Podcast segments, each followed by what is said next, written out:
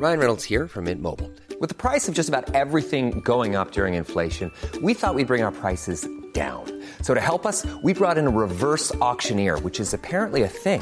Mint Mobile unlimited premium wireless. Ready to get 30, 30, bit to get 30, bit to get 20, 20, 20, bit to get 20, 20, bit to get 15, 15, 15, 15 just 15 bucks a month. So, Give it a try at mintmobile.com slash switch. $45 upfront for three months plus taxes and fees. Promo for new customers for limited time. Unlimited more than 40 gigabytes per month. Slows. Full terms at mintmobile.com. Everyone knows therapy is great for solving problems, but getting therapy has its own problems too, like finding the right therapist, fitting into their schedule, and of course, the cost. Well, BetterHelp can solve those problems. It's totally online and built around your schedule. It's surprisingly affordable too. Connect with a credentialed therapist by phone, video, or online chat, all from the comfort of your home.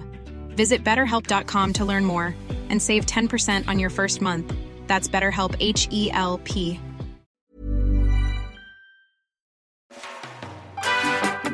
Hej och välkommen att vänta på katastrofen med Kalle och Patrik ytterligare en gång. Hej Patrik! Hej Kalle! Eh, här sitter vi och väntar på katastrofen. Ja, Ibland det känns med- det som, som att det redan har hänt. ja små katastrofer. Det finns ju olika kaliber på dem. Alla, män, alla människor råkar ut för olika katastrofer i livet på olika sätt. En del värre och en del enklare. Men har du sovit något i natt nu Kalle? Eller? ja, i natt har jag faktiskt sovit. Natten till igår sov jag väldigt lite. Vi, vi har fått eh, eh, valpar, ska jag berätta för er som lyssnar, eh, som inte vet det. Eh, vår gråhund har eh, fött sju stycken små underverk. Eh, det är hennes andra kull. Vi tog en kull förra året också. Eh, allt har gått bra. Eh, det tog Ja. det tog fyra timmar tror jag för alla sju att komma ut. Det var ganska Ja. snabbt. Ja, ja, jo, jag kommer ju ihåg när våran Lico skulle ha sin första kull här i fjol. Och det var ju våran första kull också, så vi hade ju laddat upp med precis allting. Va? Du vet, peanger och...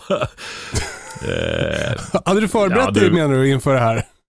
Ja, det hade jag gjort väldigt mycket. Beredskapen var god. eh, ja, ja, ja, ja, ja, ja, ja. Och du, alltså herregud, det gick så fort vet du, så vi hann ju inte med.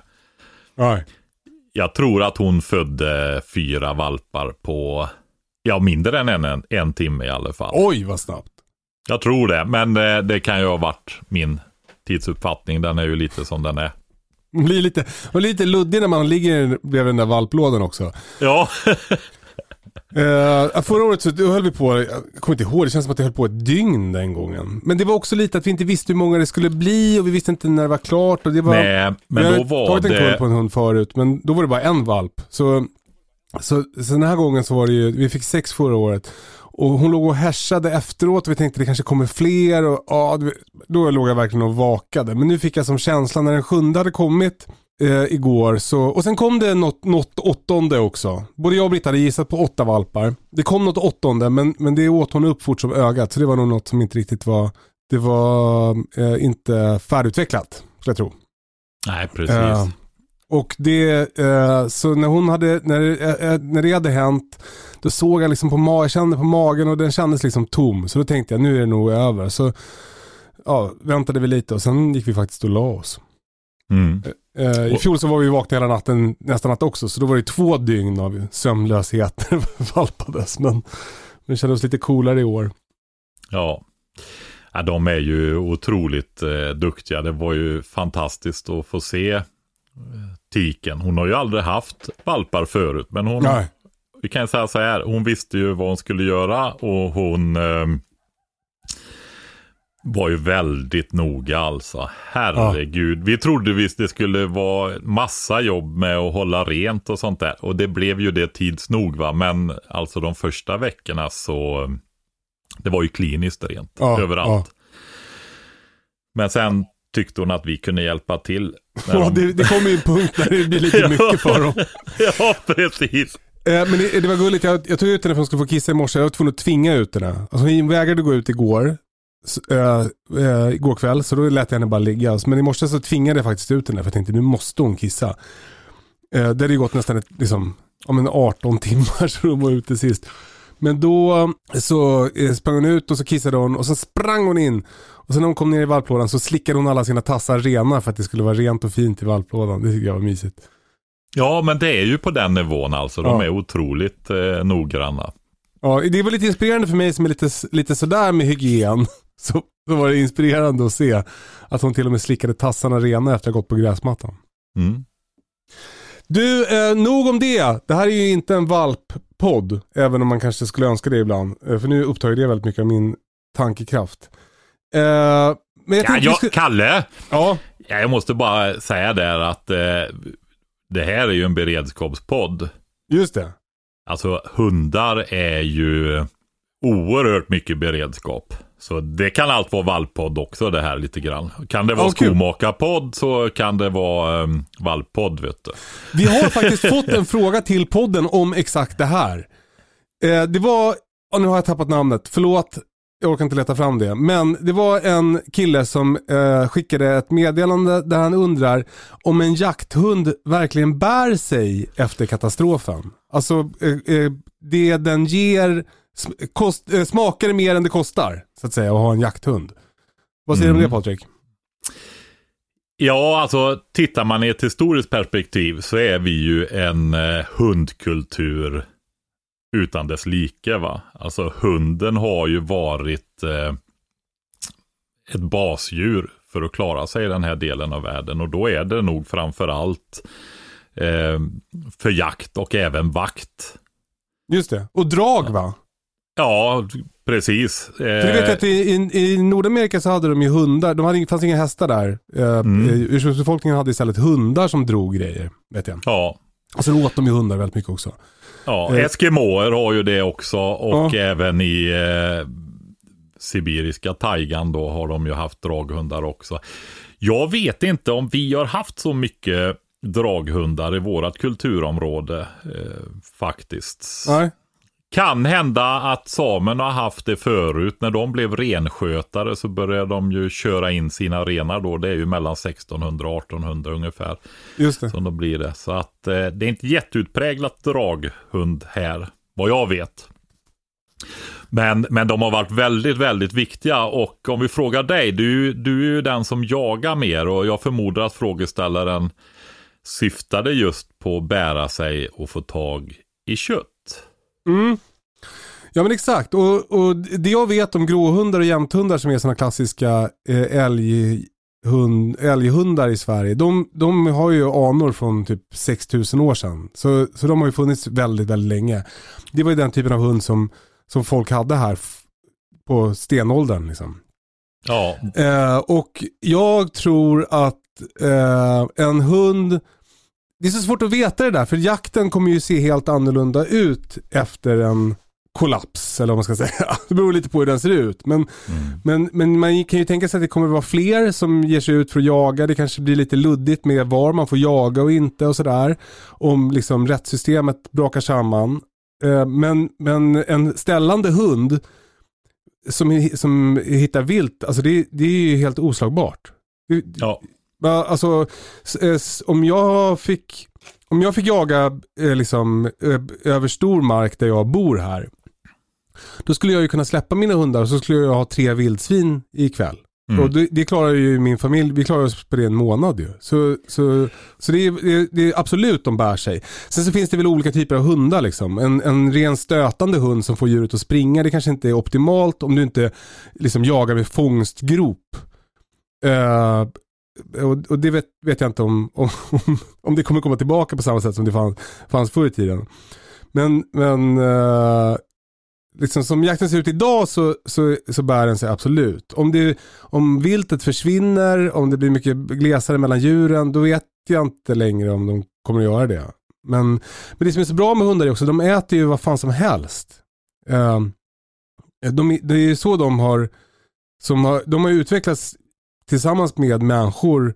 Hunden är ju liksom, lever ju i symbios med människor det är så den har utvecklats. Den, den, den har ju utvecklats för att äta matrester och leva runt och typ bajs antar jag från, från människor och från barn och sådär. Så, så jag tror att de bär sig. Om man liksom, om man, om man, tycker att det, om man inte tycker att det är äckligt att de äter ens bajs, då, då, då tror jag att det, hunden klarar sig.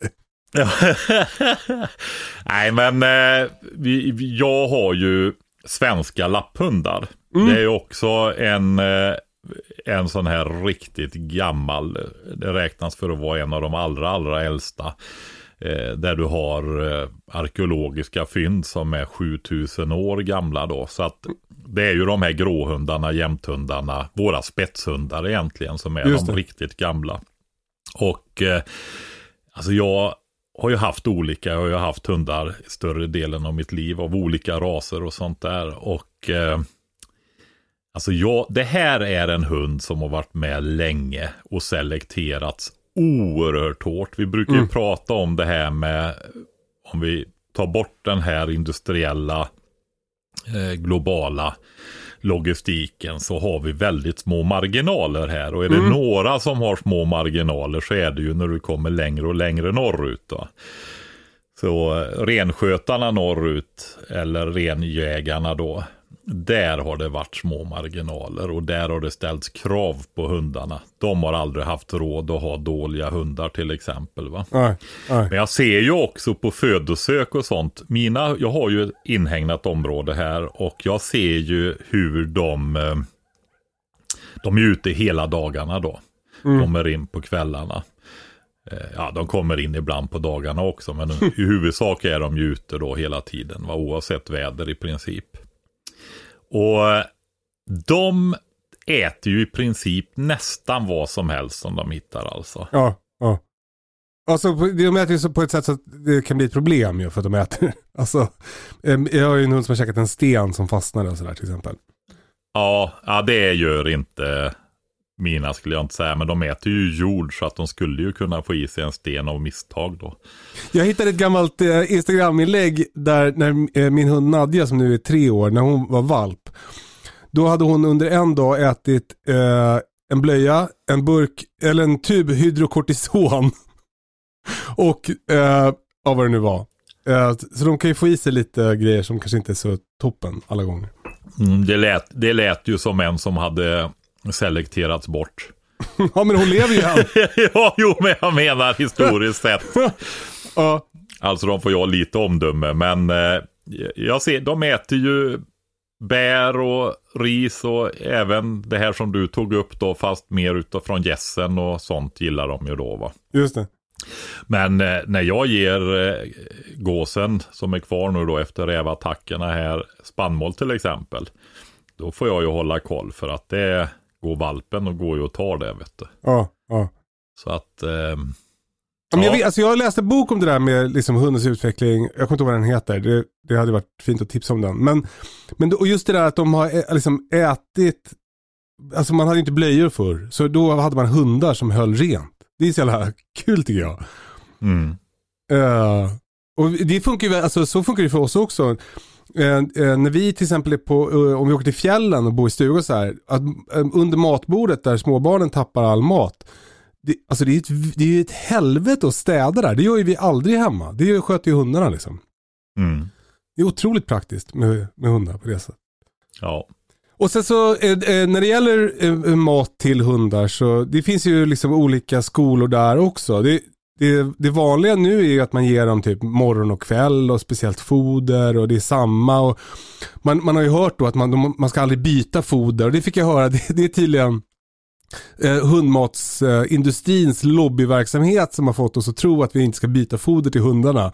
För, för att det, det gynnar dem då att man, allt, att man blir trogen ett foder. Men, men jag läste någon gubbe som, som en sån här gammal hundgubbe. Han gav sina hundar bara matrester och inte ens varje dag.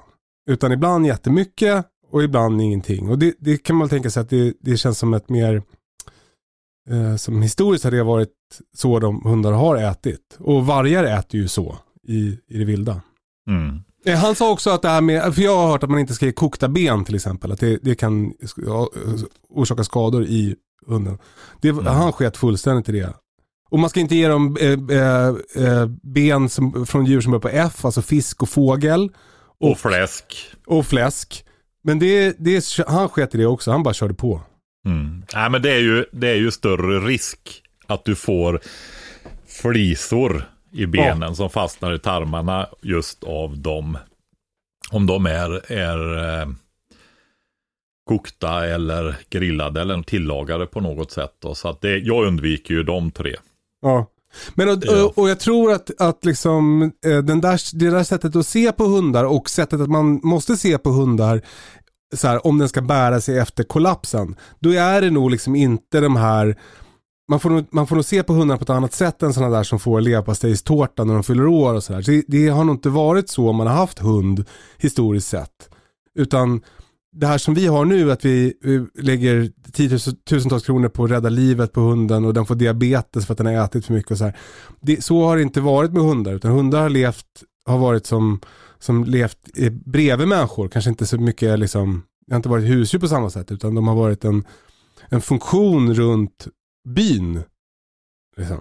Och, och så kanske man skulle kunna ha hundar efter katastrofen. Att ha en papiljon som sitter i, åker handväska på tunnelbanan, det kanske inte är hunden som kommer att bära sig efter katastrofen. Om man säger. Nej, men du har ju... Ja, jag skulle nog säga att de har varit... Eh, hundarna har ju fun, funnits med ganska nära människorna. Eh, tar du samerna där, de kanske har varit krävande på sina hundar och sådär, men de har ju levt nära boningarna och tittar du på gårdarna så har du ju haft gårdvarar, alltså gårdshundar Just det. eh, sen lång, lång, lång, lång tid tillbaka. Vi har ju en ras som är det är väl framförallt två vallhundar då. Det är ju den svenska lapphunden som blev renvallare efter att ha varit eh, levt med samerna i flera tusen år som när de var jägare och samlare då. Den är Ja. ju en renvallningshund.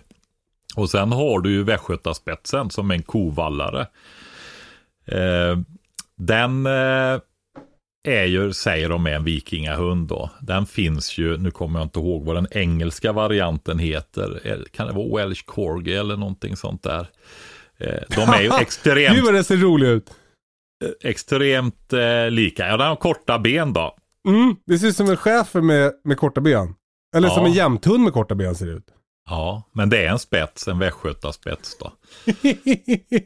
Och Det är ju en extrem jordbrukshund kan man säga då. Va? Vallar kor och hjälper till, håller ordning på gården och säger till om någon kommer och så. Just det. Dansk där har du den andra biten. Där, där har du den andra biten med hunden.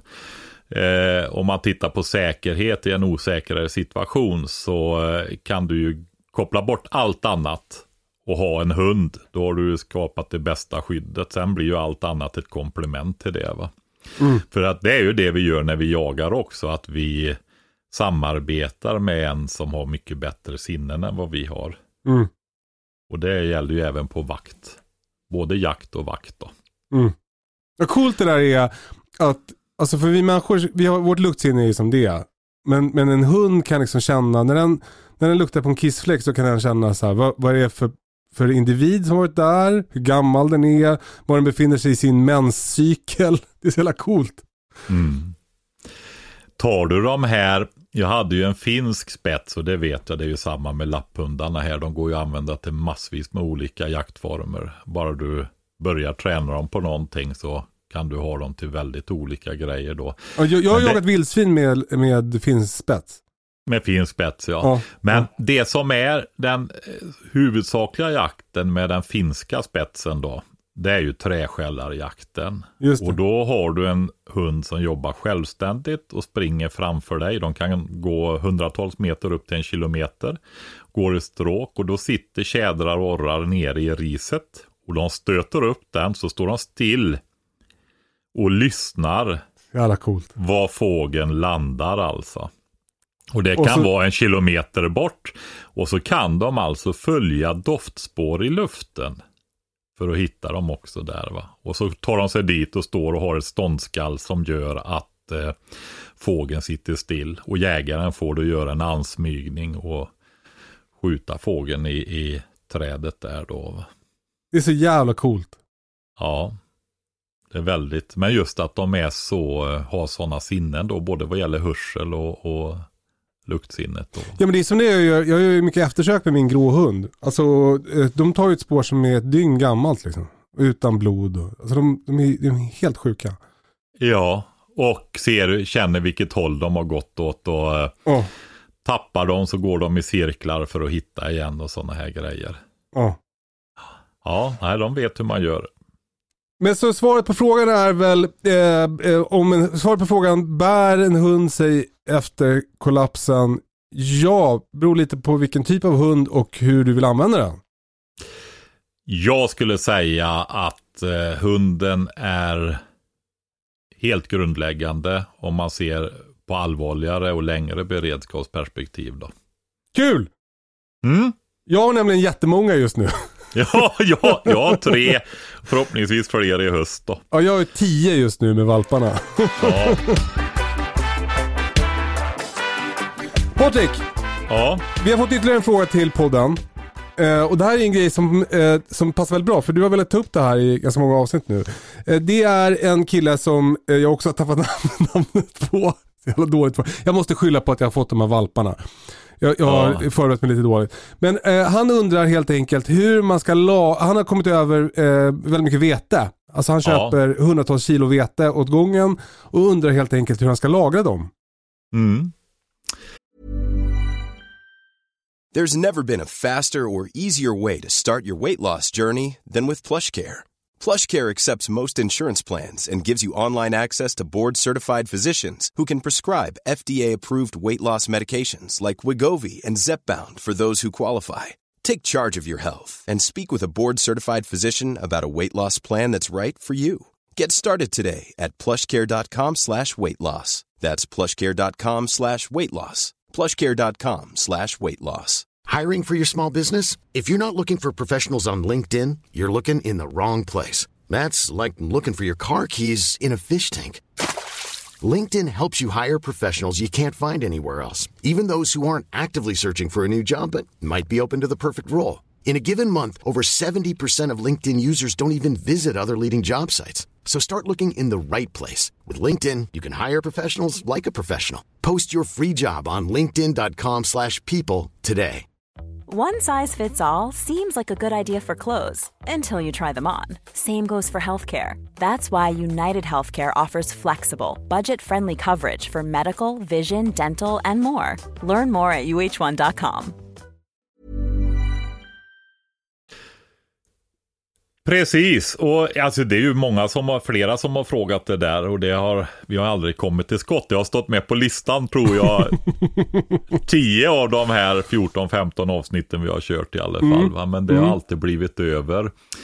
Det där är en väldigt bra fråga och man kan ju bredda den också till just det här, hur ska man förvara frö om man vill odla? Kul, bra. Ja, för det hänger ju ihop va, så Ja. tar vi båda grejerna samtidigt här nu då. Och det som är viktigt att förstå det är ju det att ett frö, alltså någonting som ska gro, om det sen är ett morotsfrö eller en vetekärna eller någonting annat, det är en levande organism då va. Le- En leva, levande sak. Och det är så här att den kan kvävas. Okej. Och eh, just hur den där processen går till, det är eh, viktigt. Ja, alltså, vi är ju vana att tänka att växter ska ha koldioxid och det är fotosyntes och så vidare. Och fröna, det tillhör ju växtriket. Och eh, det är ju så bara att frön har ju inget, inga gröna blad va.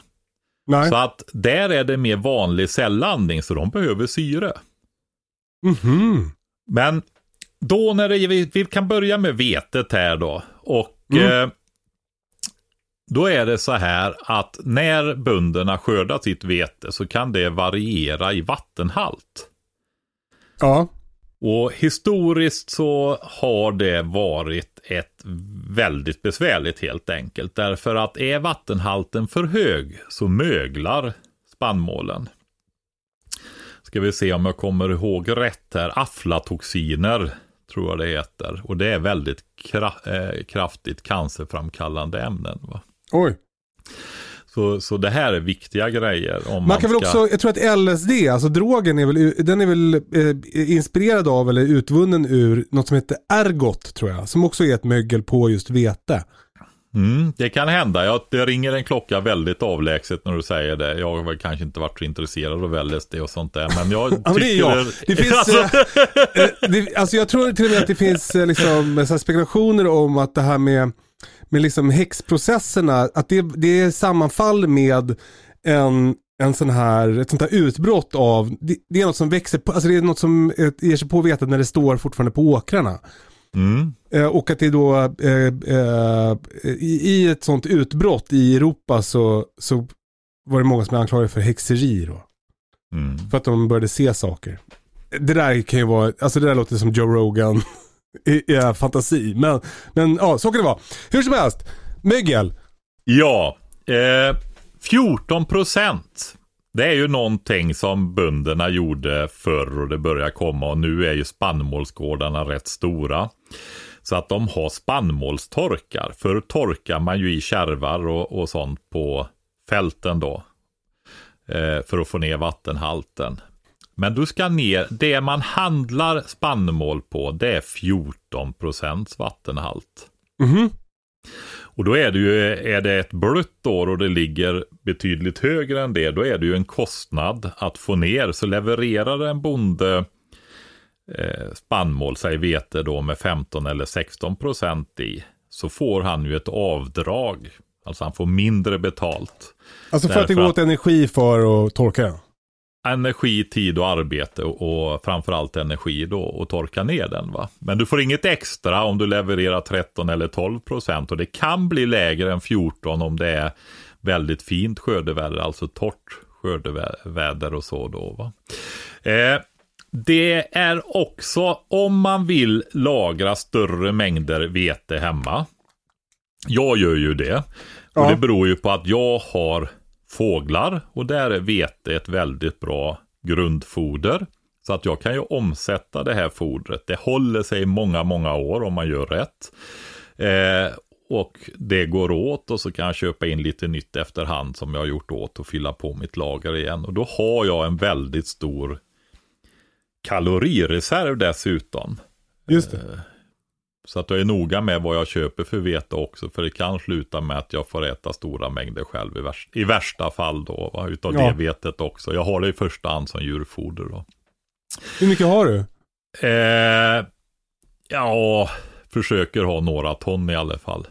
Och, och då, då är den stora frågan, hur förvarar du det? Ja, det jag är noga med då, då är det så här att sänker du vattenhalten så minskar ämnesomsättningen.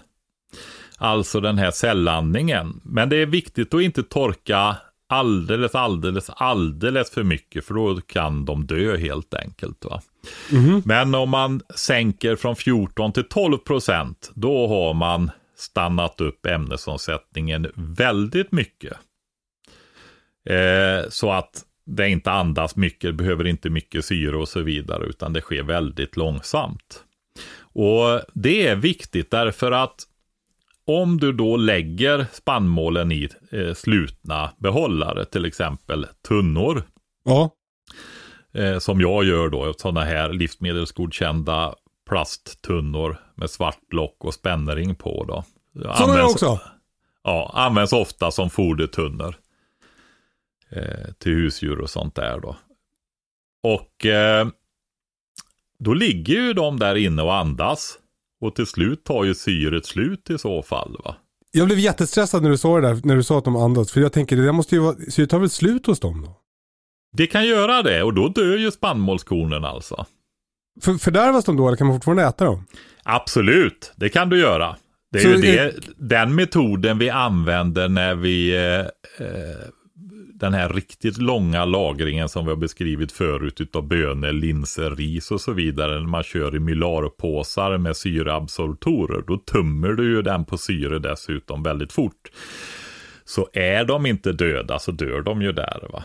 Eh, Och då, så men, så kalorierna är intakta även om eh, fröet dör? Ja, men vill du kunna grodda dina fröer till exempel för att producera grönt under vintrar och sådana grejer.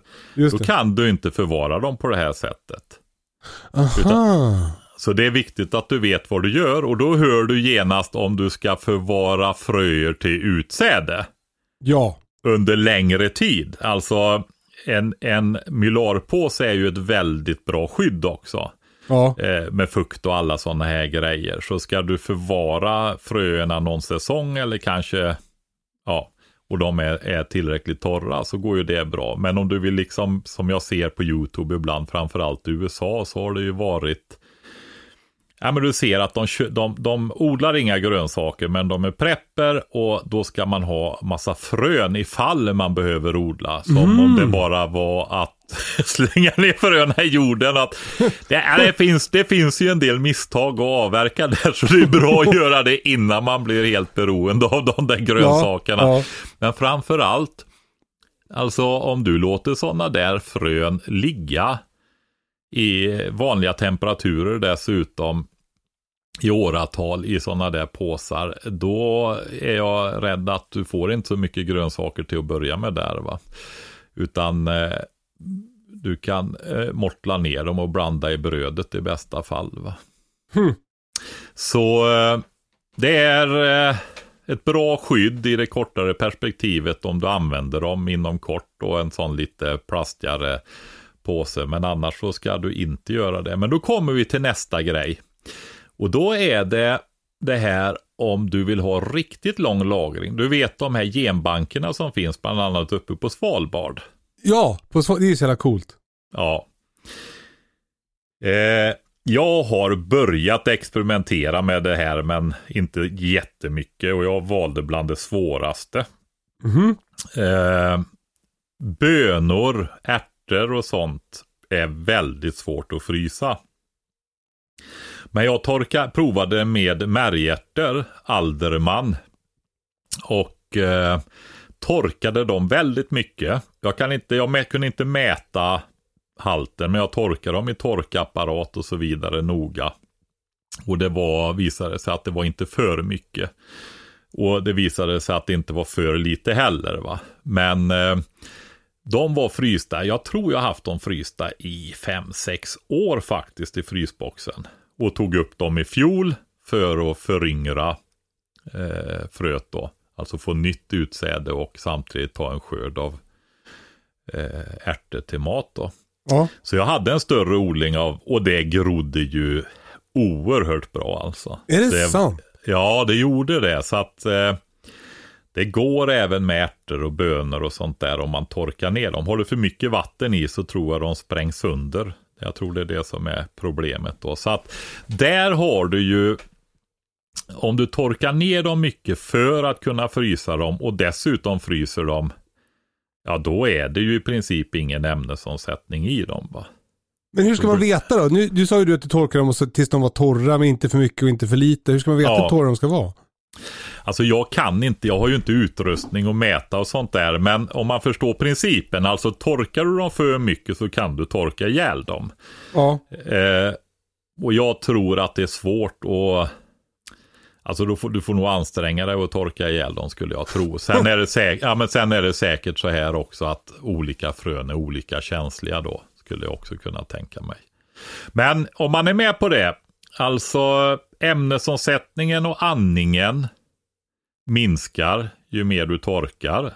Och mm. tar vi vetet då så är ju handelsvattenhalten 14 procent. Skulle jag ta och lagra det i tunnor så eh, skulle jag försöka få och prata med en bonde som har tork. Att om han kan torka ner det här partiet till 12 procent. Om du vill köpa ett par tre ton eller någonting så kanske det kan vara värt att göra det. Så får du betala lite extra för det då. Just det. Jag tror att jag har 12 procent i mitt.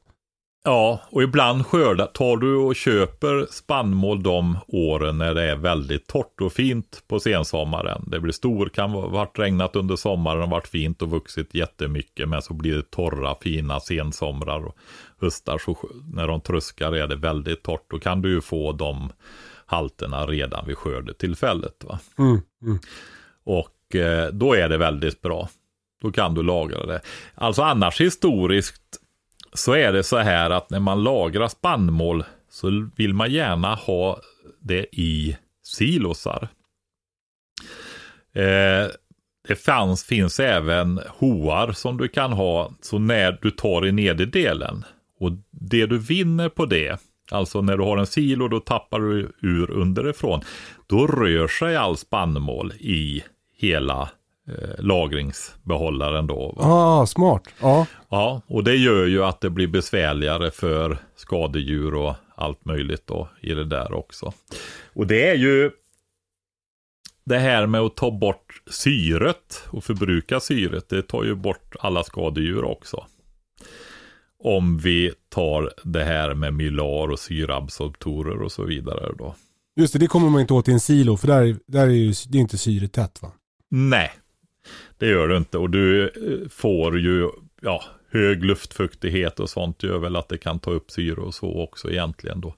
Men om, du, om vi går tillbaka till att lagra i tunnor så är det ju så här att man kan ju efter ett tag hälla emellan tunnor och sånt också. Och eh, jag har mina tunnor i eh, utetemperatur. Och det gör ju också att de fryser. Och det tar ju också skadedjur va. Just det. Och det kan inte komma in några nya skadedjur om de är täta. Så då dör ju Nej, pre precis. De som är inne, de inne i tunnorna, de eh, stryker med en stor del av dem om det blir många minusgrader under längre tid. Då. Men jag, jag undrar en grej, alltså jag tänkte att jag, inte, att jag inte vågar öppna mina de tunnorna. Men det är ingen fara eller? Öppna tunnorna? Ja. Eh, det är det inte. Inte kortare tider i alla fall, absolut inte. Nej. Nej. Men sen har du det här vi var inne på, vad händer om de dör då? Då sa jag det att nej, det går att äta ändå, absolut. Mm. Och, eh, det påverkar inte så mycket. Nackdelen är att du kan inte så det om du vill odla med det. Eh, du kan ju också givetvis då inte grodda det om du vill ha grönt. Till exempel mungbönor eller någonting som man vill grodda då, eller gröna linser eller sånt. Men när det gäller spannmålen så är det så här att bakegenskaperna försämras väldigt mycket. Mm. Vad jag förstår. Jag har inte prövat, men jag har, det här är, är sånt som jag har läst mig till. Då. Ja. Så då blir det gröt? Då blir det gröt. eller du, något fl flatbröd eller någonting. Jag undrar jättemycket om det här med, med äh, förvaring av fröer som jag ska fråga om. Men först det här med silos. Ja. Jag tänkte fråga om. För jag är nämligen lite sugen på att bygga äh, en eller två silos äh, här på gården för att underlätta hanteringen av den spannmålen som jag ger till djuren. Mm. Äh, och då tänkte jag höra med dig om du har några tips. Eh, du vill bygga själv menar du? Ja. Ja. Nej, jag har ju aldrig byggt någon silo. Så det, och när jag själv har funderat på silo, då har jag tittat på de här, eh, eftersom det inte rör sig av enorma mängder när jag själv skulle göra det. Det finns ju de som är i väv av olika slag då, alltså, vad ska man säga, närmast tyg nästan alltså. Som rymmer Tygsilo? Rätt. Ja, som rymmer rätt många. Sen är det ju det att man får ju bygga ett system. Du fyller ju på en silo ovanifrån. Mm. Så att du får ju ha en eh, behållare nere på golvnivå med en spannmålsskruv i. Så, skru så skruvar du upp dem i silon då. Va?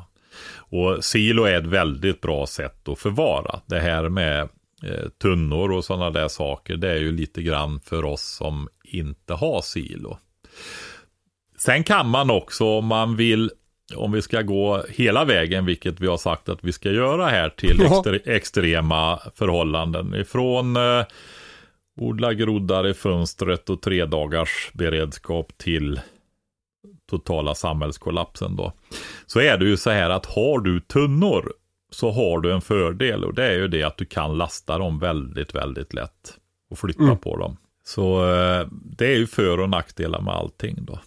Men som jag har nu, mitt upplägg nu, det ser ut så att jag köper ett par ton varje år som jag ger till eh, eh mina fåglar och till mina får ibland och till, som matar jag vildsvin också i skogen.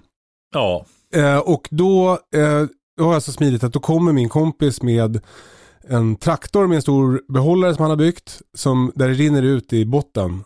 Eh, så då skulle han kunna, min plan i alla fall, det är att köpa en IBC-tank den har ett stort hål på, eh, med ett lock på, upps- på ovansidan. Och sen så Mm. tänkte jag bygga någon ställning till den. Alltså jag byggde ett vattentorn i tv-programmet. Eh, Ja. eh, ungefär så tänker jag, fast lägre då.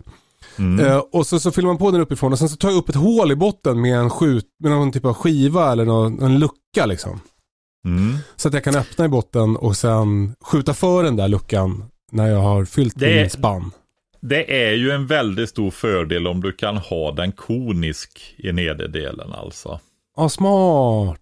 Såklart. För då rinner ju allt mot hålet. Det är ju så Ja. alla, alla kommersiella eller ja, köpesilos är ju konstruerade på det viset då. Så att du får en kon i botten så att allt rinner till hålet då.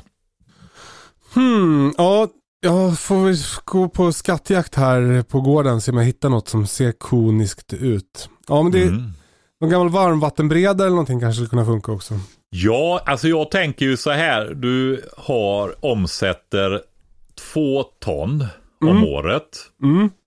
Alltså vi pratar ju eh, saker som kostar enstaka kronor per kilo. Alltså köper man ett ton så kostar det mellan 1500 och 4-5 tusen beroende på vad man har kostat på torkning och eh, hur skörden har varit och så vidare va. Jag betalade 1,50 tror jag i fjol. Per kilo. Men då, jag tror, jag tror i fjol att det var väldigt torrt va, var det inte det? Jo. Extremt torrt. Ja. Ja. Eh, så då fick du det ju torkat med en gång om vi säger så. De behövde inte lägga någon energi på det. Plus att det var väldigt bra skördar då. Just det. Men sen har du ju en aspekt till då. Och det är det, jag tror vi har nämnt det någon gång förut. Och det är ju rensningen. Eh, I jordbruket då, på större spannmålsgårdar och så vidare, så har en del rensverk. Och det innebär ju, speciellt om du har ekologisk odling, du får ju väldigt mycket ogräsfrö i spannmålen också. Och beroende på också hur det har förvarats. Eh, Det är inte lätt att förvara spannmål så att inte möss och råttor kommer åt det och fåglar och sådana grejer också till viss del. Va? Just det.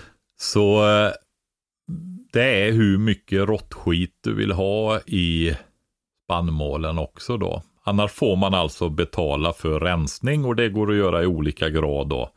Så att du får i princip nästan helt ren spannmål då. Men då kostar det också en del per kilo då. Men i alla fall, vad jag skulle komma fram till var det här. Du gör åt två ton om året. Ja. Du skulle ju kunna arrangera hemma hos dig med dina stora uthus och jag ser din stora lada och så vidare. Alltså längst in där du innanför ditt gym. Mm. Där, Det har du- alla grejer, där- all, alla packade lådor från radhuset som vi inte behöva. Ja, där du har lagt upp alla de, här, två tredjedelar av alla dina tillhörigheter till mu, musförstöring. Det var precis det jag menade. Ja, som en Ja. stor musåtel har jag gjort. Ja, precis. Längst in där mot väggen eller någonting sånt där, där skulle du ju kunna ha, om du inte vill ha det närmare fåren då förstås, det hade ju varit klokare kanske, för det går ju att ställa sådana här utomhus också då. Men du skulle ju lätt kunna ha sex eller åtta ton, alltså för tre, fyra år med spannmål hemma. Och det om du har det i sådana silosar så eh, det blir inte, om det är bra torkat från början och sådär så kommer det att fungera jättefint. Samtidigt som du får rörelse i det då va. Och då har du ju, det är ju foder, du är, det är som ett sparande. Du har köpt grejer istället för att ha pengarna på banken som du ändå kommer att använda va. Och det här är också smart för att, för att eh, som det är nu så tog vetet slut. Jag kunde inte köpa det så fick jag köpa havre istället. Och, och det är lite sämre till fåglarna. Så det vore ju smart att köpa på sig lite mer vete åt gången. Ja, samtidigt som om du har, skulle du ha, om vi säger att du fyller på med två ton hela tiden då, så har du ja, sex ton hemma i alla fall. Då, då har du ju aldrig mindre än fyra ton. Nej. Fyra ton vete, det hjälper ju till att försörja djuren om det skulle behövas, om det blir väldigt besvärligt under en period. Begränsad period. Eller om du behöver, ser att nu det, är det allvar. Då har du ju alltså ett ton spannmål. Det är ju det totala energibehovet förutom mängder med protein, och vitaminer och mineraler. Så är ju det i princip all energi, alltså det som, ja, framförallt energimässigt som en familj behöver med två vuxna och två barn på ett år. va. Mm. Så då har du ju till, har du fyra ton, då har du alltså till fyra familjer i ett år bara i det, förutom allt annat. Och då kan du väl tänka dig att med hjälp av det där vetet skulle man ju kunna klara sig jättelänge tills man hinner bygga upp allt möjligt annat va. Gud vad bra. Så Där där har du en otroligt billig reserv för att överlevnadsreserv kan jag säga. Som du ändå behöver ha. Där du får en sån ofantlig beredskap på köpet då. va. Ja, men, för, eh, Ingrid, som finns i min, i min lada är en eh, spannmålstork också.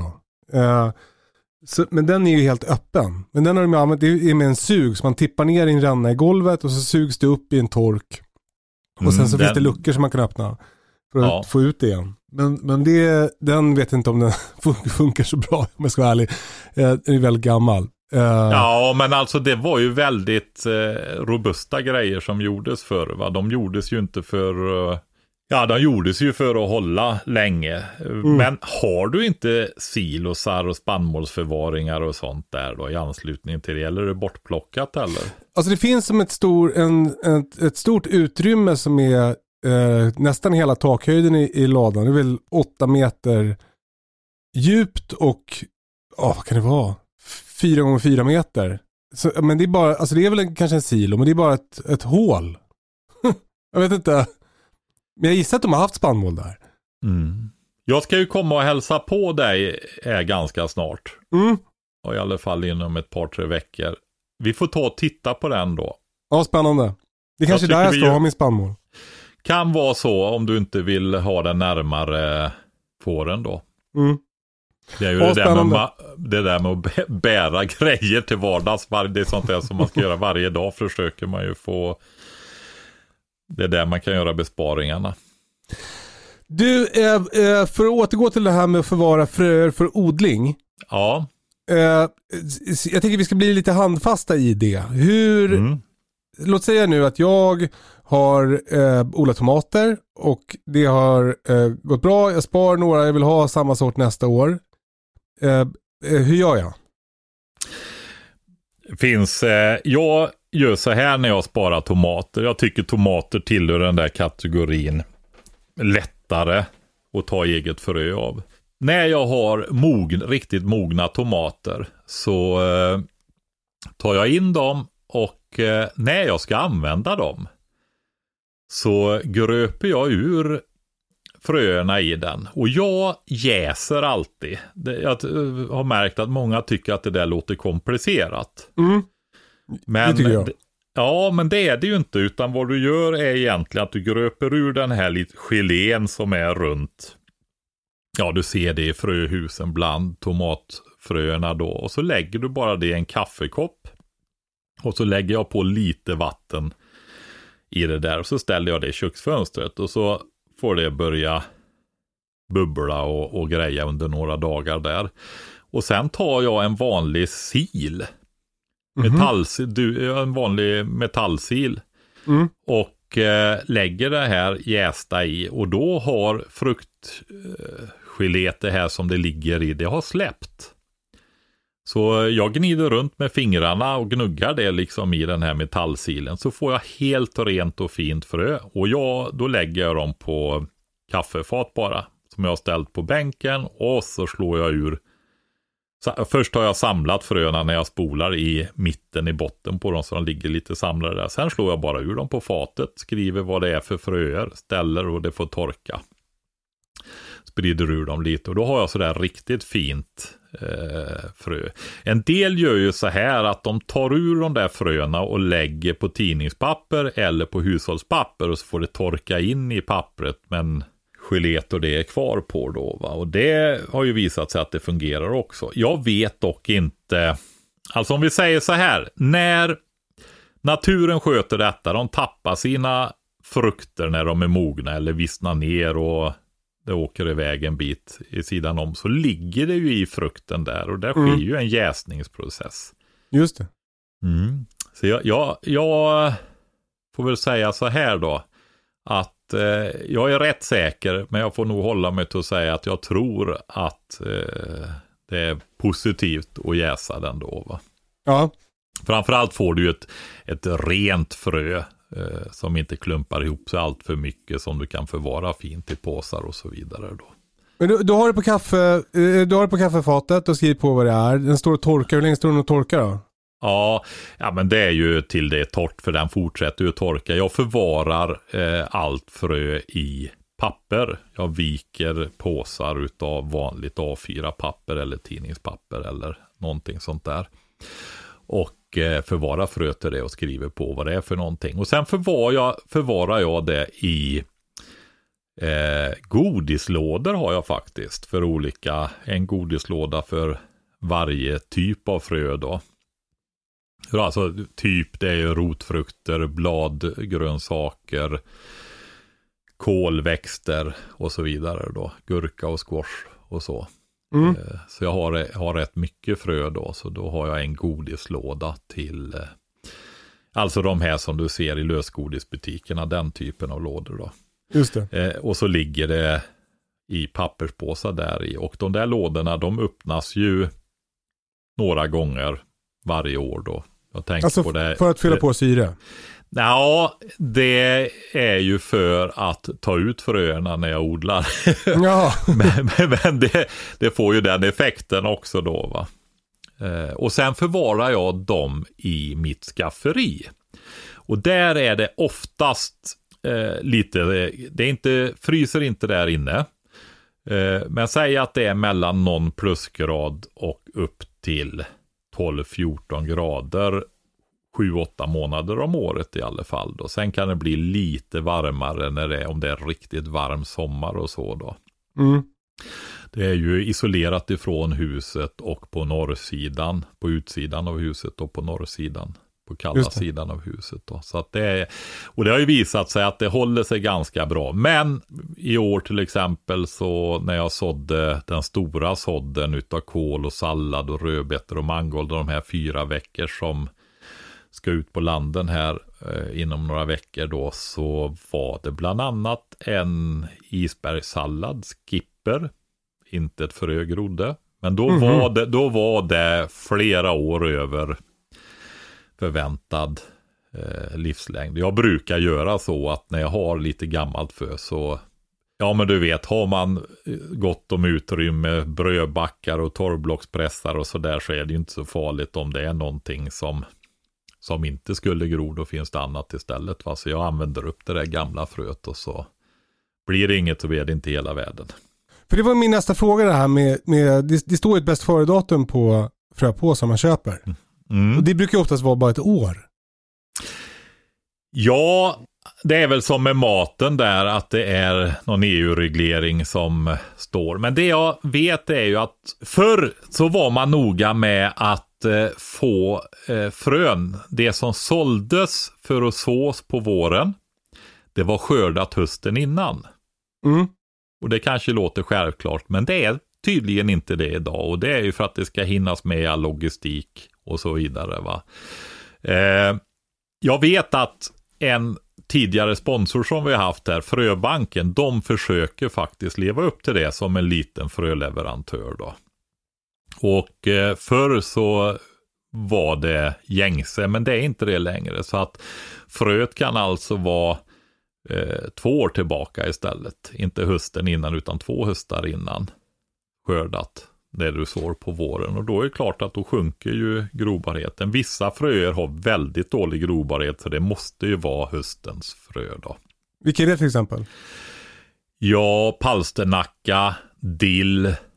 Men det är också, jag har läst att folk är väldigt missnöjda och sa att dillen grodde mycket bättre förr och så vidare. Och det kan ju bero på sådana här saker då att det är något år extra gammalt fröet som man sår nu jämfört med förr då. Så är det. Så det är väldigt olika grobarhet på, alltså hållbarhet då för groning på olika typer av frö. Så är det. Och det kan jag rekommendera om man vill ha något att utgå ifrån. Så har Runobergs fröer, runabergsfroer.se. De Mm. har en, eh, i menyn där så står det odla. Som är en rullgardin då. Och där har de en gronings och hållbarhetstabell. Som är eh, väldigt överskådlig och bra. Med, och det är optimala groningstemperaturer, groningstid, hållbarhet. Och ungefärlig skörd också på 10 kvadratmeter då. Och eftersom det här är en, rekommender- eh, en beredskapspodd så rekommenderar vi då att ni skriver ut de här tabellerna och laminerar dem. Så att ni har Oj. dem efter den elektromagnetiska pulsen. Ja, just det. Har du gjort det, Kalle? Nej men jag har köpt boken. Ja, så är det. Ja, det var ju den första boken jag rekommenderade till dig, tror jag. Mm.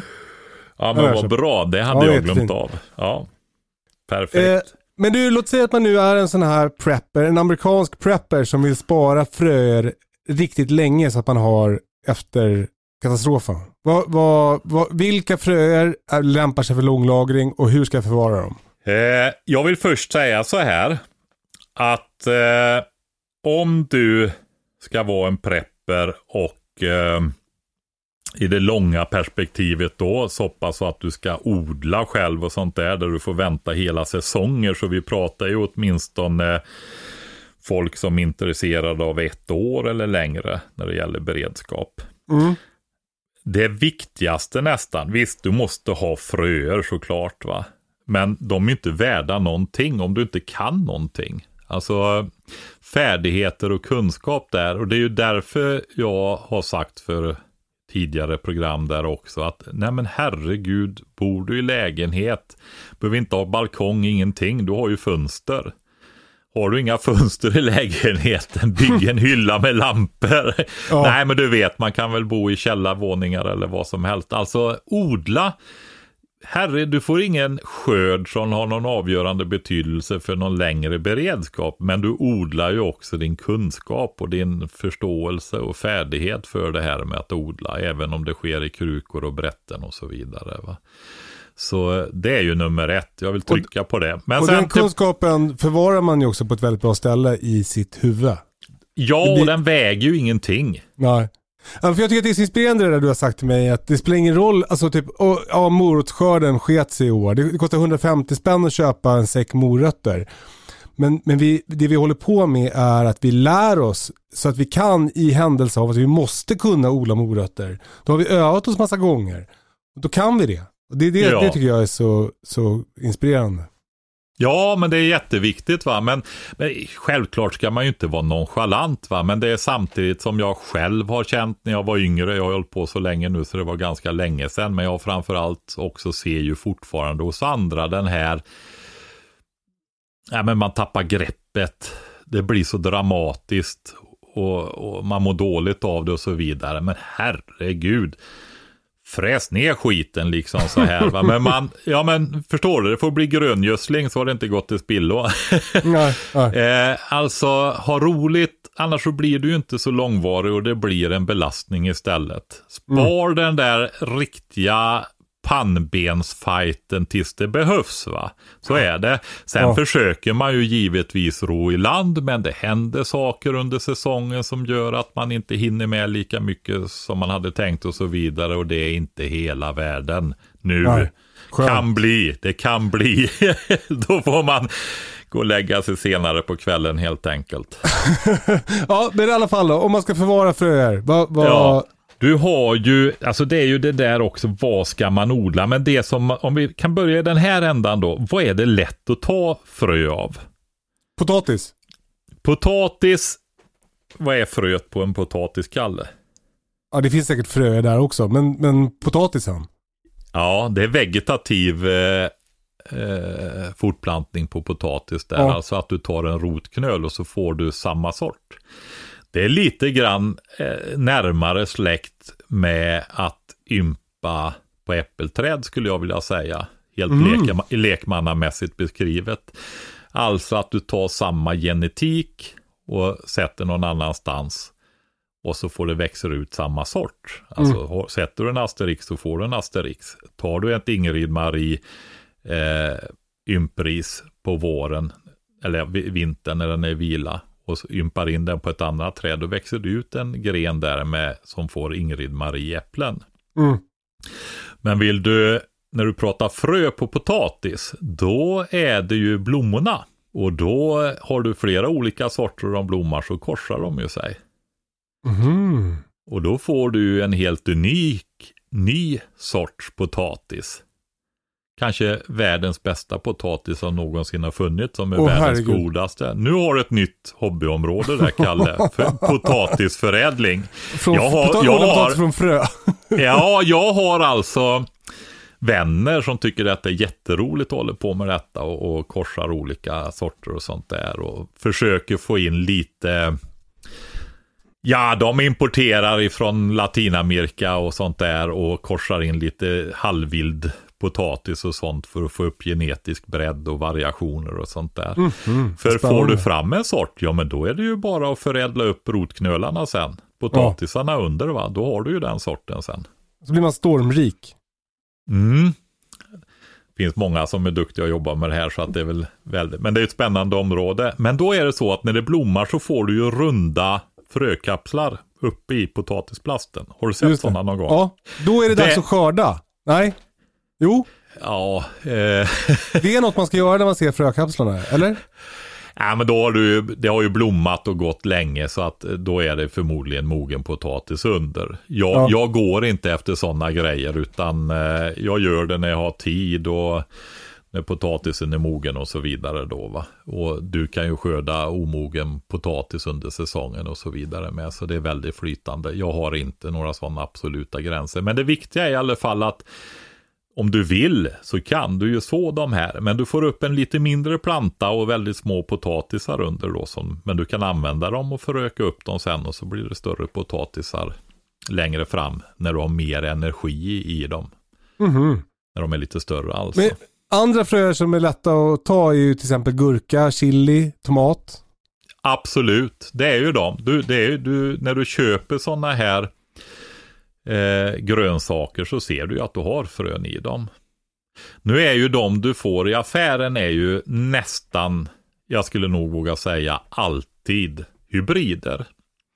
Alltså det är första generations korsning av två olika föräldrar för att få fram unika egenskaper då. Så att eh, det går att så dem där, men du kan få upp du får någonting annat än det du köpte i affären då va? Jag, jag gjorde så med paprika i fjol. Då Ja, sådde jag paprika från affären. Det, det blev typ samma tror jag. Spetspaprika. blev det. ja. Jag tror, jag har inte hållit på sådär, men jag, det är ju så att de här hybridsorterna är ju, kan man säga, patent på. Och eh, de är ju ofta dyra, dyrare. Och jag tror att mycket av den information som sprids där är sån där eh, information för att man ska köpa fröerna istället.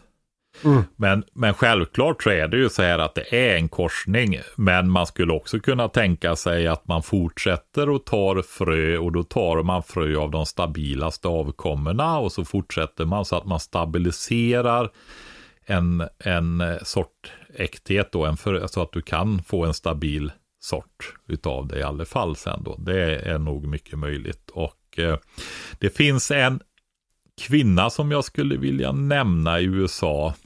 Det är där jag har köpt min majs bland annat utav henne. Hon, du vet det här med sesam och bevarandet av gamla sorter. Berätta. Sesam. Ja, men det är en eh, förening, en organisation som dels är med och inventerar och samlar in gamla sorter som har använts under lång tid i landet. Då. Eh, och sen har man mästare som är ansvariga för olika sorter och eh, typer av, av eh, grönsaksfrö. Då. Och sen har de gesäller som hjälper till att odla de här då. Så delar man på de här olika fröerna i föreningen och så då. För att bevara dem. Och sen ses de ju för eh, satanistiska ritualer och så. Det låter som en sån här hemlig organisation, alltså som tidningen. Alltså du fick sådana associationer. Nej, men de har en organisationsstruktur då. Det är ju med historiskt intresserade förmodligen och då ligger det ju nära till hands att ta det här med mästare och gesäller för att hitta vem som är ansvarig och tydliggöra det. Det kan jag tänka mig då. Men eh, eh, Carol Deppe som hon heter, kvinnan då, hon har skrivit några väldigt bra böcker också. Eh, hon försöker få folk att gå ett steg till. Det här som vi pratade om potatisen. Alltså att vi faktiskt börjar selektera, vi börjar korsa, vi börjar med växtförädling också. Med de sortäkta då. Så som människor har hållit på. Alltså förr hade vi hur många olika sorter som helst och lokalt och så va. Och eh, vi kan komma tillbaka till det. Få en helt annan levande trädgårdskultur, odlingskultur igen då. Va? Så att vi inte bara tänker bevara, bevara, bevara, utan att vi faktiskt börjar utveckla och förädla själva också. Det låter avancerat, men och det kan det vara också. Saker kan vara enkla eller man kan driva dem till sin spets och det blir hur avancerat som helst såklart. Men, men ofta är grunderna väldigt enkla. Det märker väl du? Vi pratade ju om det sist jag var och hälsade på dig. Just det här, du, sa, du sken som en sol i växthuset och så sa du så här. Ja men bara för något år sedan så kunde inte jag det här och nu hjälper jag andra med det. Ja, sa du. ja, det ja. var väldigt roligt att se. Ja, ja, det känns jättekul. Jag, jag odlar ju förresten eh, majs från, eh, jag tror att det är från hon var Carol. Alltså som jag fått av dig. Mjölmajs. Ja, precis. Så den odlar jag. Och också en, en vintersquash tror jag. Som också är från, från som kommer i alla fall i en likadan påse. Men du, har du det fröet kvar? Ja. Nu håller vi tummarna du. Var rädd om de plantorna. ja Jag ja. satte mitt sista frö nu för av det. Jag har gett bort mycket i och för sig så det finns väl runt om i landet förhoppningsvis. Men jag skulle föryngra fröet och det var möss kvar. Åh nej. Du, alla mina gurkor, alla, jag kör ju en Maxima, en Pepo varianter då för att ta frö, för de korsar sig inte med varandra då. Maxima, eh, Cucurbitae, Maxima och Pepo då, det är två olika växtfamiljer. Annars så korsar ju de här sig med varandra väldigt mycket va. Men eh, de mössen var in, de hann inte ens gro. De grävde upp dem i krukorna och åt upp Ah, fy dem. fan vilken risig stil. jag är ingen stor vän av möss, det kan jag ju säga. Men du, jag har jättemycket frö kvar för det var ju en stor påse. Jag, jag, har, jag har sått liksom ett gäng. Men det finns ju mycket som helst kvar. Jag har inte sett dem gro än dock. Men, men eh, det kommer väl. Jag var lite sen med sådden. Mm. Ja, men det är ingen eh, jättefara. Eh, just eh, squash och pumpa, de är väldigt lätta att ta frö. Om vi backar, jag vet Ja, inte hur mycket, ja. tio minuter, en kvart så pratar vi om det här med vad som skulle vara enkelt och så. Eh, vintersquash framför allt, alltså det är ju en supergröda och den som mössen åt upp nu, det är ju våran, alltså en av våra basgrödor. Eh, så jag vet inte hur jag klantat till det när jag blivit utan frö nu egentligen. Va? Det, nej, det är Får se vad jag lite... göra. Jag säljer dyrt.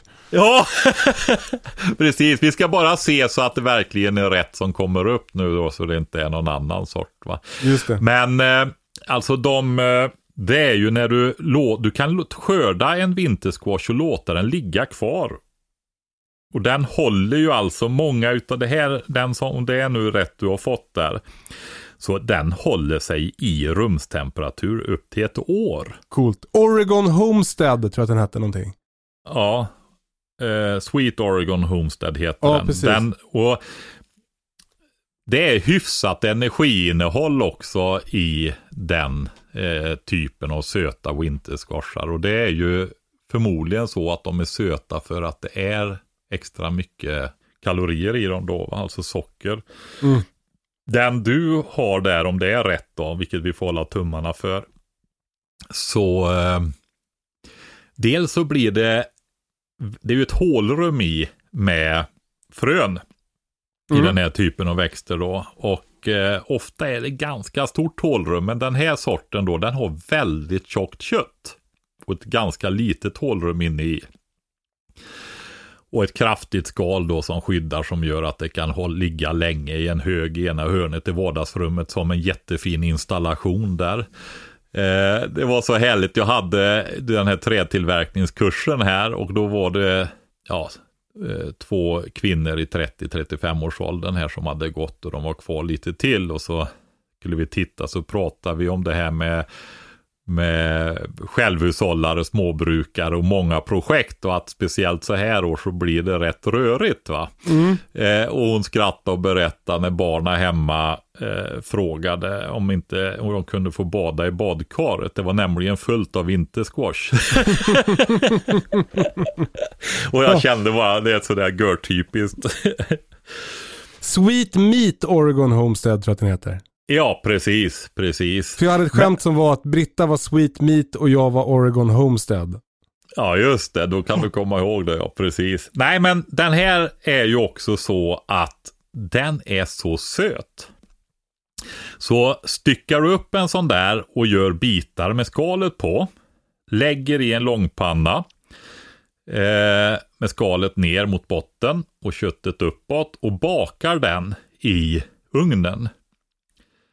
Så kan du alltså ta ut de bitarna sen, lägga på ett fat, lite grädde på, kanske lite finmald kardemumma uppe på också, så har du en efterrätt alltså. Fy fan vad gott. Inte en prinsesstårta, kanske lite mer åt det matiga efterrättshållet, men den är så söt så du kan liksom, ja den är otroligt god va. Du lyssnar på det här Patrik. Jag fick ett frö från förra årets största pumpa i Sverige. Ja, Det var en kille som hörde av sig på Instagram. Han har odlat en pumpa som vägde 640 kilo förra året. i Sverige. Ja, och han lyfte med hjullastare. Det, det såg jätteroligt ut. Nu har jag fått ett frö från den så jag ska försöka odla en ännu större pumpa i år. Får vi se om det går. Ja. ja Jag tänker, men att få- Det borde man ju stå sig på om man, om man har 640 kilo pumpa. Mm. Alltså, ja, vi gör ett snabbt överslag där. Nu vet jag inte vad den kan ha, men skulle det kunna komma upp i 400 kilokalorier per kilo? Om du jobbar, säg att du behöver i alla fall 7-8 kilo sån pumpa om dagen då. Mm. Då skulle ju en sån där räcka i 3-4 månader i alla fall då, för Mm. en person. Det blir lite enahanda kanske. ja. Men ändå, vad fan.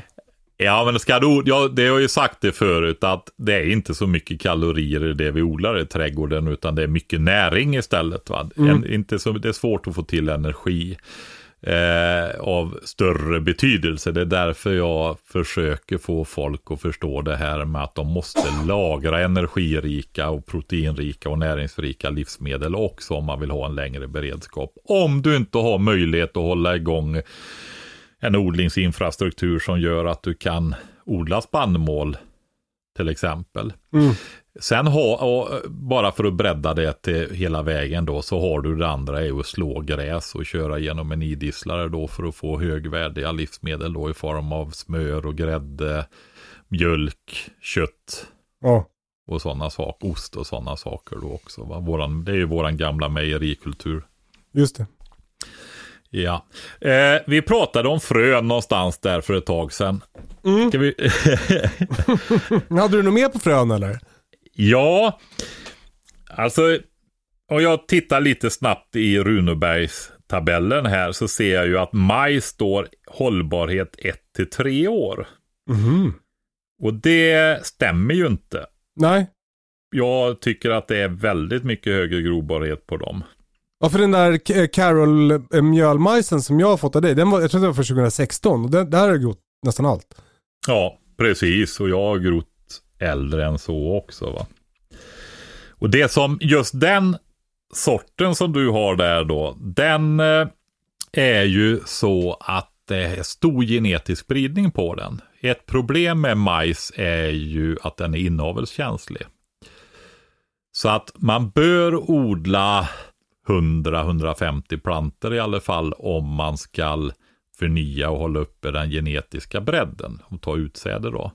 Men det är också så att du har en färgvariation i majsen ifrån man vill inte ha vit, men väldigt ljust gul över gul till guld till brun till eh, oran ah, orange till brun till olika nyanser av violett. Va? Ja. Och, men till skillnad från andra som finns att få tag i där det är blandat på majskolven så är varje majskolv enhetlig här. Mhm. Så du får majsen färgsorterad. Oj, vad smidigt. Ja, och nu är ju inte vi någon majskultur. Men det finns ju majskulturer runt om i världen som man kan lära sig av. Och då har du ju olika sorters majs till olika saker. Minimajs har du till exempel i Kinamat. Ja, det är bra Kalle. Ja, men man pratar i USA till exempel då som är en majskultur.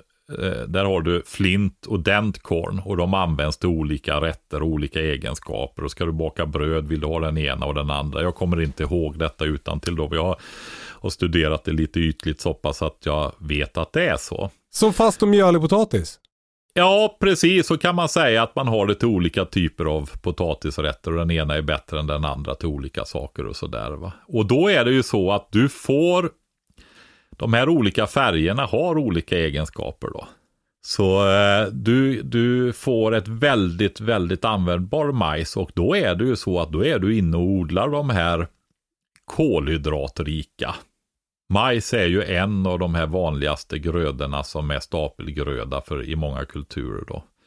Det är, så, är det... det- är så kul, jag har aldrig odlat majs förut. Nu har jag tre olika sorter.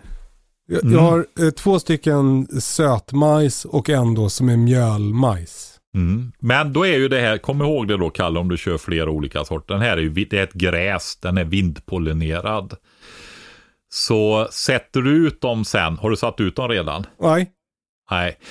Eh, försök sätta dem väldigt långt ifrån varandra, annars korsar de sig va? okej. Om du vill bevara sorterna tänker jag. Ja det var, ju, det var ju bra att du sa, för annars hade jag ju gjort bort mig duktigt. Mm. Nej, men ska man börja med fröer så är det ju så. Det är ju samma sak där, att vill du ta olika kolsorter, morotsorter och sådana saker så får du ha långt emellan, väldigt långt. Och det tror jag varierar lite mellan olika arter också. Men det bästa när man är på mindre ytor, det är ju faktiskt att ta en sort om året då. Inte låta den andra gå i blom, utan bara ha en som blommar. Nästa år får den andra gå i blom då va. Men det, och det är inför nästa, alltså inför nästa år tänker du? I, det kommer inte att, att korsa sig så jag får liksom, eh, om jag nu har till exempel tre olika sorters morötter i en bädd, då kommer jag få tre olika sorters morötter i jorden. Men om jag ska ta fröer, då kommer de ha korsat sig. Ja, ja, ja. Alltså genetiken är ju i huvudsak, eller ja, den är ju stabil i majskornet i sig. Men om du vill spara majs nu, låta den mogna ut och du torkar den och så vidare efteråt. Och då, just varför jag har gett mig på majs är ju för att försöka få någonting som kan ge lite mer energi då, som man kan odla Mm. själv. Inte bara mineraler och vitaminer. Eh, och det är ju också det att den är ju relativt lättruskad jämfört med annat där det ska skalas och hålla på och så. Eh, här tar du en eh, fullmogen majskorv och så torkar du dem. Och när den har torkat tillräckligt mycket, då tar du en majskolv emellan händerna och vrider fram och tillbaka. Och då får du väldigt fina valkar i händerna på köpet dessutom. Så det inte ser ut som du har kontorshänder. Och jag kan säga i början, eh, det tar lång tid att, att truska på det här sättet därför att eh, det går hål på blåsorna efter ett tag också. Men hur som helst så eh, går det att skörda, truska så enkelt då. Det finns en grej som man ska säga om majs. Nu tror jag inte det är stor risk i våran del av världen då eftersom, ja, jag har ju här i zon 5 lyckats odla den här majsen med väldigt fint skördresultat. Nej, det var inte riktigt sanningsenligt. Va?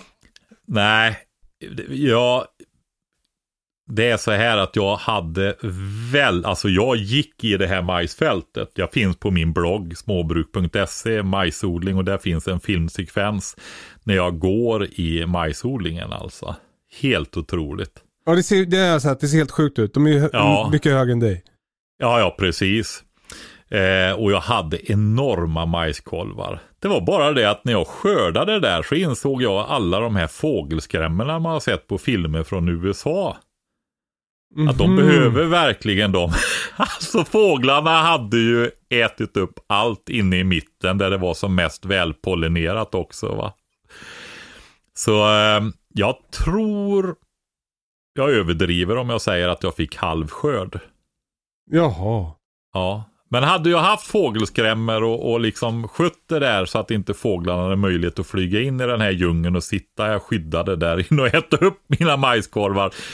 Då hade jag ju fått en väldigt, väldigt fin skörd här även i zon 5. Och då var det en riktigt kall maj. Och jag eh, hade ju 600 planter då i det. Försök. Jag gjorde ett försök med olika krukstorlekar. Jag tror jag nämnt det förut. Och eh, de stod ute och växte till sig. Och eh, när jag planterade ut dem sen. Men sen fick vi mycket värme då. Så att det var Mm. inget typår om vi säger så. Men det var inte heller bara gynnsamt.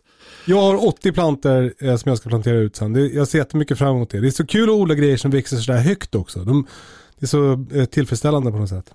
Ja, kom ihåg då att sådana där växter är din 640 kilos eh, pumpa och även majs och sånt. En jättemycket näring Ja, för att de ska få eh, utvecklas då. Alltså tänk, tänk den där lilla utsädet ja. ska bli den stora växten. Och det är De har inte mycket med sig. Nej, de har inte det. Va? Så det är eh, väldigt mycket näring som behövs till de här. Då. Men eh, min plan är i alla fall, jag, jag måste göra nya land, jag är fullt liksom. Eh, eh, men för majsen så är min plan att lägga ut eh, kartong, eh, göra ett litet hål, en liten grop, trycka ner plantan och sen lägga på massa gammal ensilage som fåren har hållit på och grejat med. Mm. Hur låter det? Det, det låter lite grann som om nu ska jag ha med mig kuper när jag åker till dig nästa gång som jag ska leverera. Färdigbyggda kuper dit bort. Det, jag tänker så här, det låter som jag ska ta med mig Jan, min, ny, min nya traktor och komma och köra upp ett land åt Kan du Men- det? Ja, jag vet ju inte det. Jag sitter och tänker hur det går om jag kan få plats med både kuper och eh, den på släpkärran. Eh, Jag kanske hyr en bil åt dig Patrik. Det här låter som en otrolig eh, eh, grej för mig. Ja, vi får prata vidare om det. Du, vi måste sluta nu. Vi har pratat så himla men länge. vi måste säga en sak till om majs då. Okej. Vi har velat lite fram och tillbaka, lagring, frön, grobarhet och så vidare där. Men vi, i och med att vi pratar så mycket om majs, för att avsluta det. Och det kan också vara lite allmänbildning då, eftersom det kanske inte blir aktuellt här då. Då är det så här, kommer du ihåg när vi pratade om det här med att grodda och så vidare för att få bort groningshämmare som försvårar näringsupptag och kanske inte är så hälsosamma och så. Det är några avsnitt sen. Ja. Ja. När det gäller majs då så är det bara så att det här ordet, vi ska se om det slår rätt in i hjärnan där nu, nixtamalisation, nixt, ja, någonting sånt. Ja. Det är alltså att de kokar majsen i släckt kalkvatten. Du har alltså släckt kallt uppflammat i vatten och kokar det där i. Och det gör att eh, näringsämnen tas upp bättre i majsen. Och framförallt så är det så här att om man inte gör det och majsen är liksom huvudfödan så får man, ska vi se här. Det här är ju på volley. Niacinbrist är jag r- nästan helt säker på att det är då va. Och det leder till allvarliga bristsjukdomar. Och så man äter för mycket majs som inte är kokt i släckt kalk. Precis, och det är en process som de har utvecklat då för att kunna få i sig niacinet och de 90% säker på att det är niacin då. Hur mycket majs måste man äta för att det här ska bli ett problem? Ja, du ska ju vara, du, vet ju det här att få i dig tillräckligt med kalorier. I de utpräglade majskulturerna så är ju huvuddelen av energiintaget varje dag ifrån majs då. Va? Det är majsbröd, majsgröt och så vidare. Va? Så eh, tar man inte hänsyn till det och bearbetar majsen där då, då utvecklar man de här bristsjukdomarna. För mm. våran del som inte kommer att äta majs hela dagarna så är, blir det inget problem då egentligen. Va? Men det, man kan googla det om man vill veta mer om det. Eh, Låter som ett specialavsnitt. Ja, nej, jag tänkte vi skulle säga det nu för att nämna det när vi ändå ja, pratar bra. så mycket om majs. Okej. Okay. Du, tusen tack för idag Patrik. Fan vad man fick lära sig mycket. Uh, och allt kommer ju på provet i vanlig ordning. Följ oss på Instagram i väntan på katastrofen. Skicka uh, meddelande om ni undrar någonting. Uh, det tycker vi är kul. Prenumerera på iTunes och allt vad det är. Och ha det så bra. Puss och kram, hejdå! Hej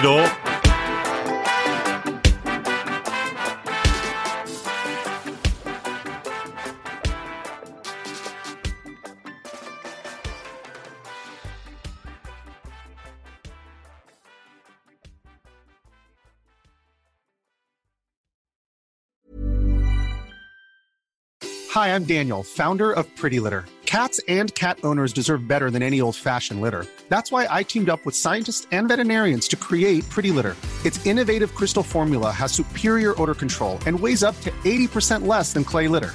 Pretty Litter even monitors health by changing colors to help detect early signs of potential illness. It's the world's smartest kitty litter. Go to prettylitter.com and use code ACAST for 20% off your first order and a free cat toy. Terms and conditions apply. See site for details. Mom deserves the best, and there's no better place to shop for Mother's Day than Whole Foods Market. They're your destination for unbeatable savings, from premium gifts to show-stopping flowers and irresistible desserts. Start by saving 33% with Prime on all body care and candles. Then get a 15-stem bunch of tulips for just $9.99 each with Prime. Round out Mom's menu with festive rosé, irresistible berry chantilly cake, and more special treats. Come celebrate Mother's Day at Whole Foods Market.